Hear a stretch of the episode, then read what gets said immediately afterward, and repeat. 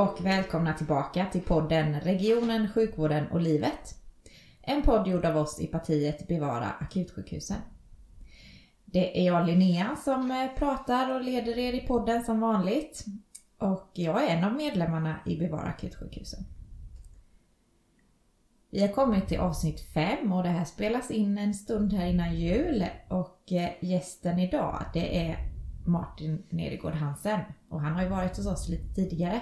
Men idag har vi ett särskilt ämne på programmet och det är något så tungt som eh, regionens budgetarbete. Och stäng inte av nu, häng kvar och lyssna för du kanske lär dig något och faktiskt så kan det här vara mer intressant än vad du tror. Och framförallt så är det så att det påverkar dig i ditt dagliga liv. De här besluten vi tar om regionens budget.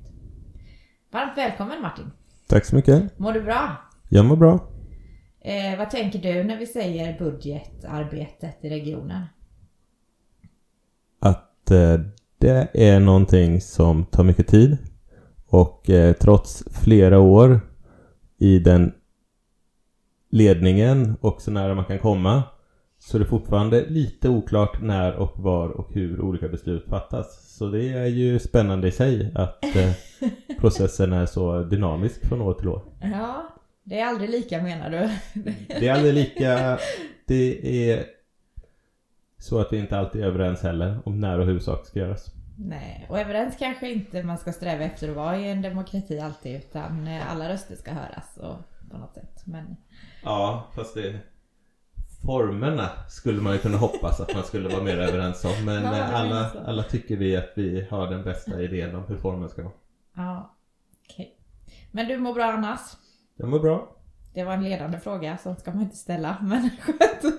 Du sitter här framför mig och, och ler i alla fall. Det gör jag. Känns eh, skönt att vara hemma vid tryggt. Precis, och vi håller ju distansen här nu. Vi sitter långt ifrån varandra. För vi har ju också alla läst och hört i media att nu ökar covid-insjuknandet igen. Men eh, ni kan vara trygga lyssnare. Vi är föredömliga och håller distansen här vid poddinspelningen. Vad bra. Men du, eh, om man följer mediadebatten eller medierapporteringen och allting om regionen och så, så har det ju bara för ett litet tag sedan varit ett tvådagars fullmäktige där man antog budgeten för 2022. Det stämmer bra. Vi antar ju budgeten i november men eh, budgetarbetet börjar i januari. Så det är en lång process där budgetfullmäktige i november är ju mer det utåtriktade arbetet som görs för att förklara och visa varför man har fattat de beslut man har gjort. Så själva Finalen. det är finalen. Där det formella beslutet fattas men där ingenting nytt eller oväntat brukar dyka upp. Ja, Va, hur börjar man då? I januari säger du? Det är ju snart dags att börja med 2023 då. Ja precis, det börjar med en eh, första budgetberedning. Eh, internat. Titta på vad det är som komma skall under året eh, och där börjar också själva första tankegångarna kring hur budgetarbetet ska läggas upp över året. Vilka datum som gäller och hur man ska planera de olika delarna. För budgeten består av väldigt många olika delar som fattas i kronologisk ordning. Det låter jätterörigt just nu. Många olika delar och i kronologisk ordning. Kan du beskriva några olika delar? Men jag skulle säga att de stora delarna, den första stora delen man tänker på det är ju pengarna. Mm. Det är ju de som kan ge händer i vården resultat i mångt och mycket. Men eh, den stora delen om pengarna fattas sist. Eh, vilket ju är delvis en utmaning. Så att pengarna kommer sist och först pratar man innehåll. Eh, och då börjar man med alla nämnder och deras områden och tittar på budgettexterna som ska vara vägledande för verksamheten. Och det börjar man med under våren. Mm. Och om ni som lyssnar nu undrar vilka nämnder det finns så finns det ju tidigare avsnitt om de flesta nämnderna. Som ni kan lyssna på vad de gör i olika delar. Ja, men då tittar man på de olika nämnderna och jag antar att det är lite olika stora delar av budgeten som är på olika. Absolut. Eh, FS-nämnden har ju sin del med sjukvården som är den största delen ekonomiskt. budgetmässigt så är det, innehåller den ju inte mer text än någon annan och en stort område som till exempel slutenvården rör ju i praktiken bara ett tiotal sidor i hela budgeten som är ungefär 100 sidor. Mm. Ja, men pengarna kommer sist och innehållet först. Innehållet kommer först. Det som är vanligt som händer det är ju att förvaltningen presenterar ett förslag till budgettext. Ehm, I bästa fall är det någonting som vi har förändrat för att öka den politiska styrningen. Så utgår man från förra årets budget och de texterna som finns där och de överenskommelser som vi har gjort tidigare inom ledningen, inom koalitionen. Och eh, sen kan det vara så att man lägger till saker på förvaltningen som man uppfattar är viktigt. Alltså förslag som kommer från ledningen då. Mm. Och därefter så ges det tid till politiken, ofta ungefär två månader. Att titta på texterna, förhandla internt, göra justeringar och göra politiska tillägg då. Och jag skulle säga att den stora utmaningen här är ju att det är väldigt lätt att skriva in nya saker, nya löften. Men det finns ju inga nya pengar och det är en utmaning för politiken också att hjälpa till med vad är det som ska prioriteras bort eller prioriteras ner. Och det är någonting som inte görs eh, så aktivt skulle jag säga. Nej, just det. Och ta ansvar för de besluten man tar. Och... Ja, det blir ju att man tar ett beslut, ett icke-beslut. Eh, som då någon annan får ta konsekvenserna för. Om vi skriver ett löfte som låter jättebra men det finns inga pengar till detta, då är det ju någon som ska ta bort något. Och det har ju också en, orsakat av ett politiskt beslut. Men som någon annan får sen fatta. Eh, och det är ju en en eh, svårighet i det logiska att eh, det händer saker på andra sidan också. Precis. Gör man det här så orsakar det ett problem på ett annat ställe kanske. Men det löser ett annat. Ja. ja. Ja, det är ju ganska komplext det här för en annan som inte är så, så insatt kanske i alla delarna och allting. Och, och det, du säger att det är tjänstemännen som kommer med första skrivningarna. Ja, det är tjänstemän som kommer första skrivningarna.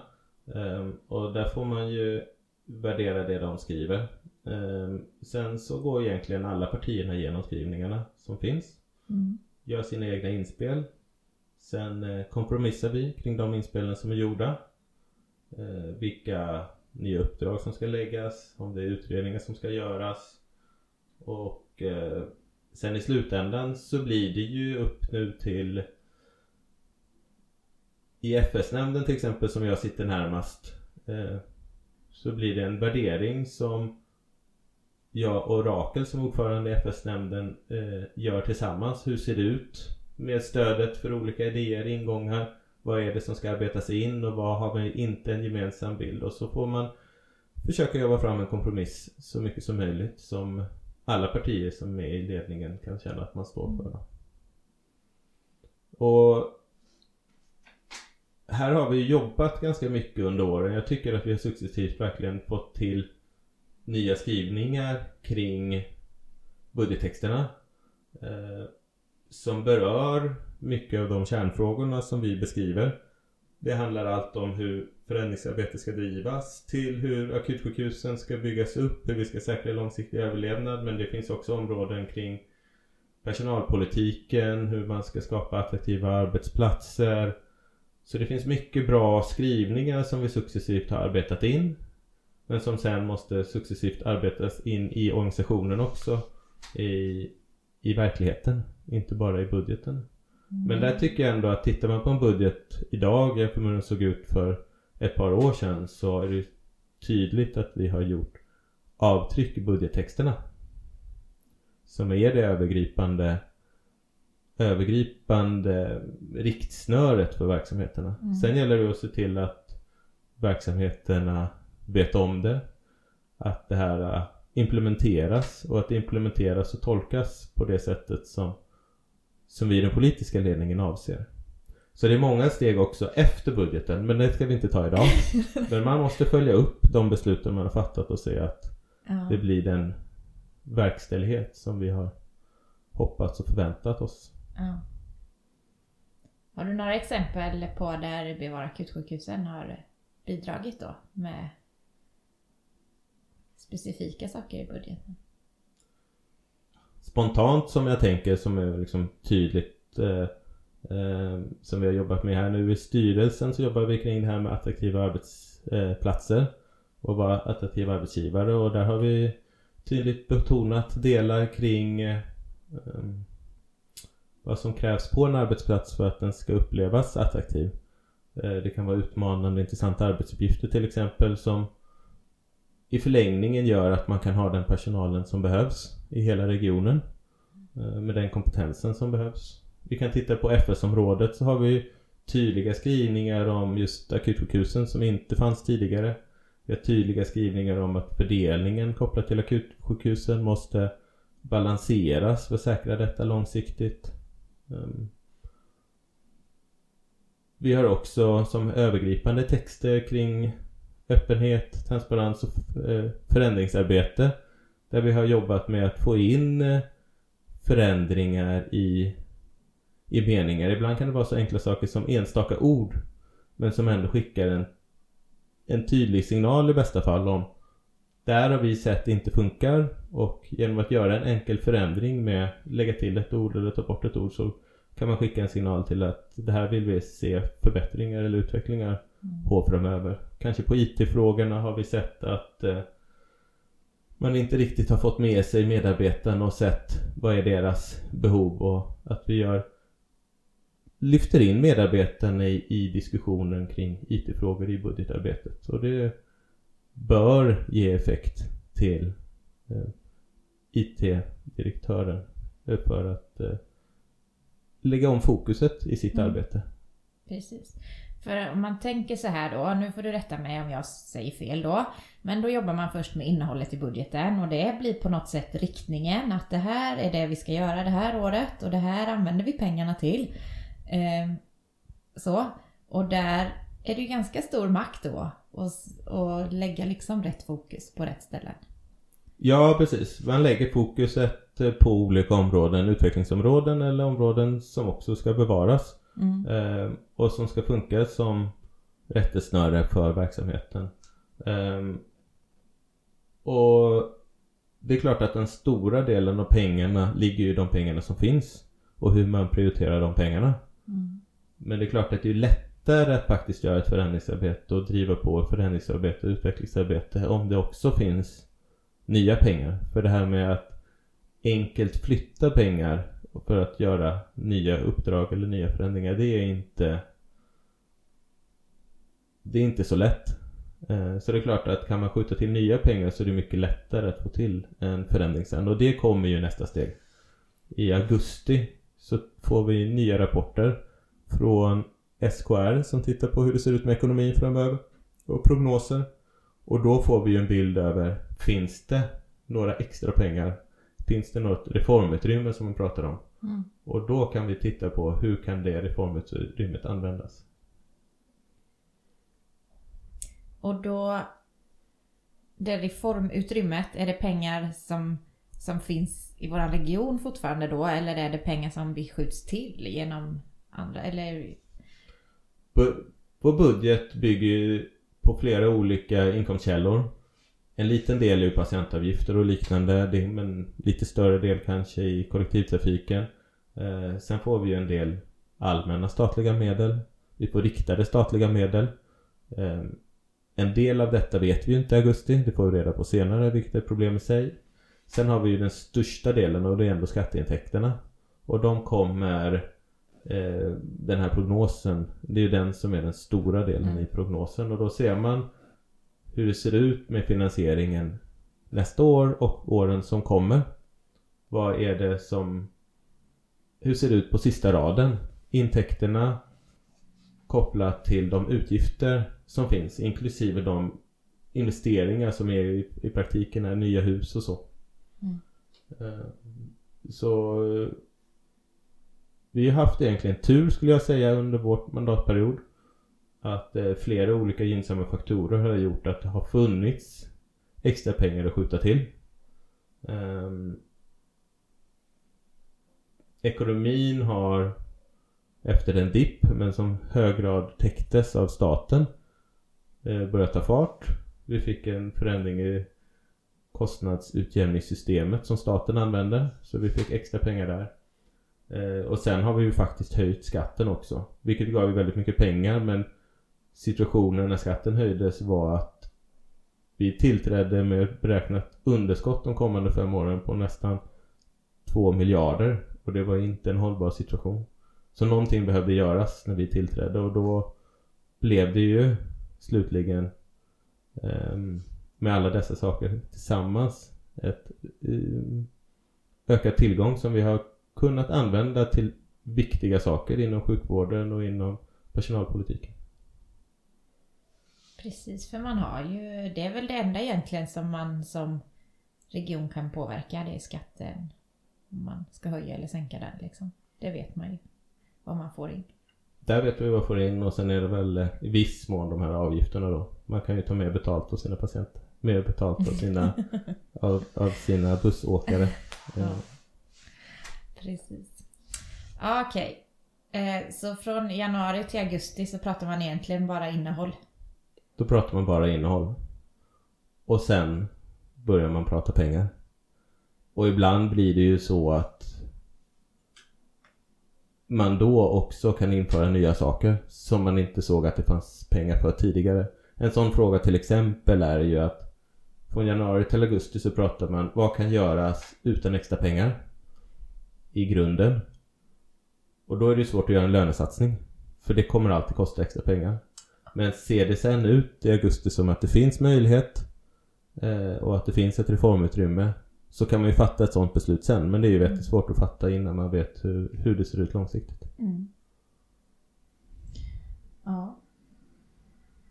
Och lönesatsningar gör man väl? Lönesatsningar är ju en av de sakerna som vi gjort i år och som vi gjort de senaste tre åren. Ehm, det är ju lönesatsningar utöver det som kallas märket på arbetsmarknaden, det vill säga vad alla andra tjänar får i löneökning. Eh, och det har ju varit riktat till i första hand sjuksköterskor, bristyrke med hög kompetens och en ersättning som inte motsvarar den kompetensen har man gjort eh, bedömningen för. Och då är det ju 50 miljoner i år igen. Och tidigare har, man, har vi lagt in 100 miljoner de två tidigare åren. Ja, ändå stora summor. Eller vad man ska säga. det är ju väldigt mycket pengar i slutändan. Ja. Över 13 miljarder som är helheten. Ehm, och det är klart att eh, de stora satsningarna vi gör och som vi har råd med och klarar av att hantera blir ju fortfarande ändå bara i procent. Enstaka procent på helheten. Men eh, min bestämda uppfattning är ju att det ändå gör stor skillnad mm. längre fram. Varje, varje krona används klokt ute i verksamheten skulle jag säga. Ja, och har man då skrivit in i en budget att man vill vara Sveriges bästa offentliga arbetsgivare så får man ju kanske följa det linjen ut så ju. Det får man ju göra. På olika sätt. Det, det behövs ju jättemånga olika saker och det är det som är i helheten där. Det ena delen är ju de 50 miljonerna om man ska titta på årets budget. 50 miljoner på lönesatsningar. 16 miljoner på att förbättra friskvårdsbidraget. Det är rena pengar. Men sen har vi ju alla de här andra delarna som vi ju har den här skrivningen, texten om. Mm. Hur får vi till en attraktiv arbetsmiljö på alla ställen? Hur får vi till eh, chefer? Eh, en sån sak som har varit på tapeten och som inte har kommit än Det är till exempel att vissa chefer har väldigt många anställda. Hur många anställda kan man ha för att vara en god chef? Eh, det är, skulle jag gissa, någonting som kommer dyka upp här framöver. Ehm, och ehm, också hur man ser på den allmänna bilden av sina anställda att man måste kunna se dem, man måste kunna vara en chef med ett lokalt mandat så att man kan se de enskilda individernas behov, göra anpassningar till dem. Det är sådana saker som kostar engagemang men kanske inte så mycket kronor. Eh, men jag tror att det är en väldigt viktig filosofi att ha det med sig. Men också saker om att involvera medarbetarna när vi har förändring. Så man inte skapar konflikter utan att man får med sig sina medarbetare. Så det finns jättemånga saker att jobba med med att vara attraktiv arbetsgivare och, och vi försöker jobba med alla delarna under hela budgetarbetet. Från, från januari till, till november, Till november, när vi ja. ska offentligt försvara det som vi har landat i. För det är ju så då att under hösten där och innan fullmäktige så presenterar ju koalitionen sitt budgetförslag. Ja, Ja. När, och i augusti sa du, då visste man, fick man en prognos på pengarna och allt sånt där. Och sen efter det, Då brukar man ha en och en halv månad på att göra färdigt det sista. Förhandla in, internt färdigt det sista. Sen lägger man det då till eh, regionstyrelsens arbetsutskott. Eh, som är ett långt namn men egentligen är den delen som förbereder ärenden till fullmäktige. mm, Ursäkta mig. Ehm, och då får oppositionen läsa det. För att ge dem goda möjligheter. Och då kan de läsa det. De får två veckor på sig att komma in med sin egen. Och då kan de ta det bästa från det vi har presenterat och göra förbättringar eh, i det hela. Så det försöker vara öppet mot oppositionen att göra en, en vettig oppositionsbudget. Försöker vara en öppen och transparent process ändå tycker jag så. Och sen tas det beslut i regionstyrelsen och sen rullar det vidare till fullmäktige. Så då ligger det i praktiken då och vilar i en och en halv månad från att vi egentligen är överens tills det blir den här färdiga beslutsgången i fullmäktige. Men där händer det ju under vår mandatperiod i alla fall ingenting nytt. Eftersom där har vi som stor majoritet, vi som är i ledning, så att det blir som, som vi har sagt och bestämt. Men man ska kunna stå för det och man kan ha en debatt, diskussion om hur man skulle kunna gjort annorlunda. För det är klart att man kan göra saker annorlunda och då får man i alla fall på sikt ett annat utfall. Varje år ett litet steg och beroende på vilken riktning man tar på det steget så blir det på sikt olika resultat i regionen. Och jag eh, skulle säga att vi tar små steg i en riktning som vi har lovat. Men det tar tid. Men jag ser ju att vi ändå rör oss åt ett annat håll än vad som skulle varit fallet om vi inte funnits, inte kommit med. nej precis. Och det kanske är det som är svårt när man sitter vid sidan av och ser de här eh, små stegen. För man är lite otålig och man kanske tycker att det händer ingenting. Men det gör ju det. Och vi har ju dessutom nu under senaste månaderna presenterat vår checklista på sociala medier. Vad som Ja. faktiskt har hänt. Ja, det är en bra idé eh, att för sin egen skull och för väljarna se att, att vi har gjort någonting. Och då ska man ju också ha åtanke och det två år av de senaste tre åren har ju präglats av en pandemi och det är klart att det påverkar på många olika plan arbetet eh, som görs. Precis. Jag tror att vi skulle kommit ännu längre om vi inte hade haft en pandemi men tyvärr är verkligheten som den är. Ja, det är inte så mycket att göra åt. Nej. Nej. Nej. Ja. Så ett år egentligen tar det för att bereda fram budgeten och så tar man ett två dagars fullmäktige och debatterar det som redan är, är bestämt. Ja. och sen börjar vi om då om några månader igen. Ja, sen är det verksamhetsplan en månad senare i nämnderna och sen börjar vi om till nästa år.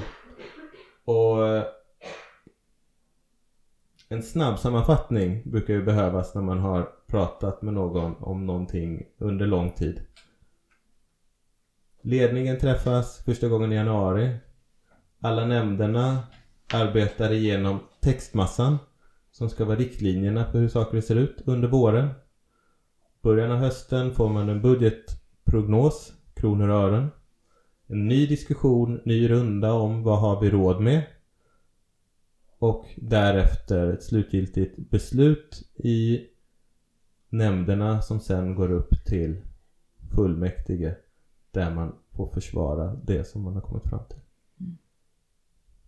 Ja, spännande. Är det roligt med budgetarbetet Martin?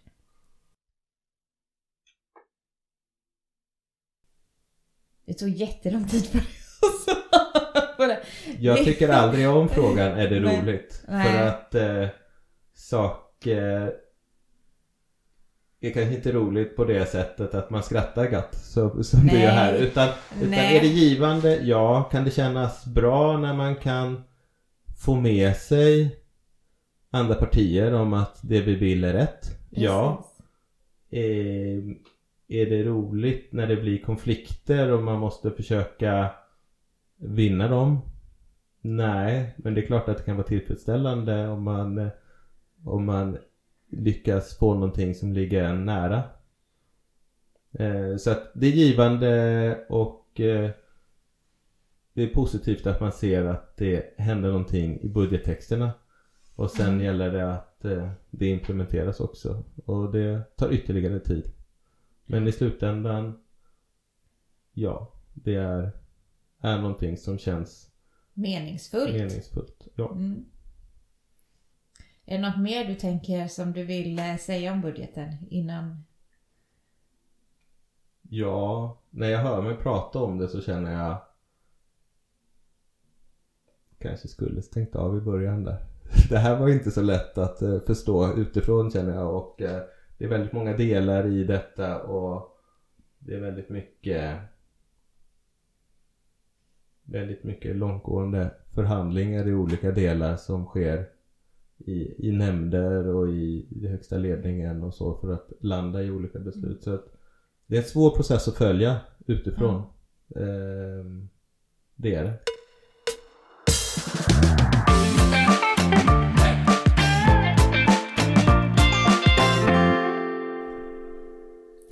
Har vi i alla fall hört lite om eh, budgeten och det är ju komplext. Och man får läsa på om detta tror jag och vi får återkomma kring detta.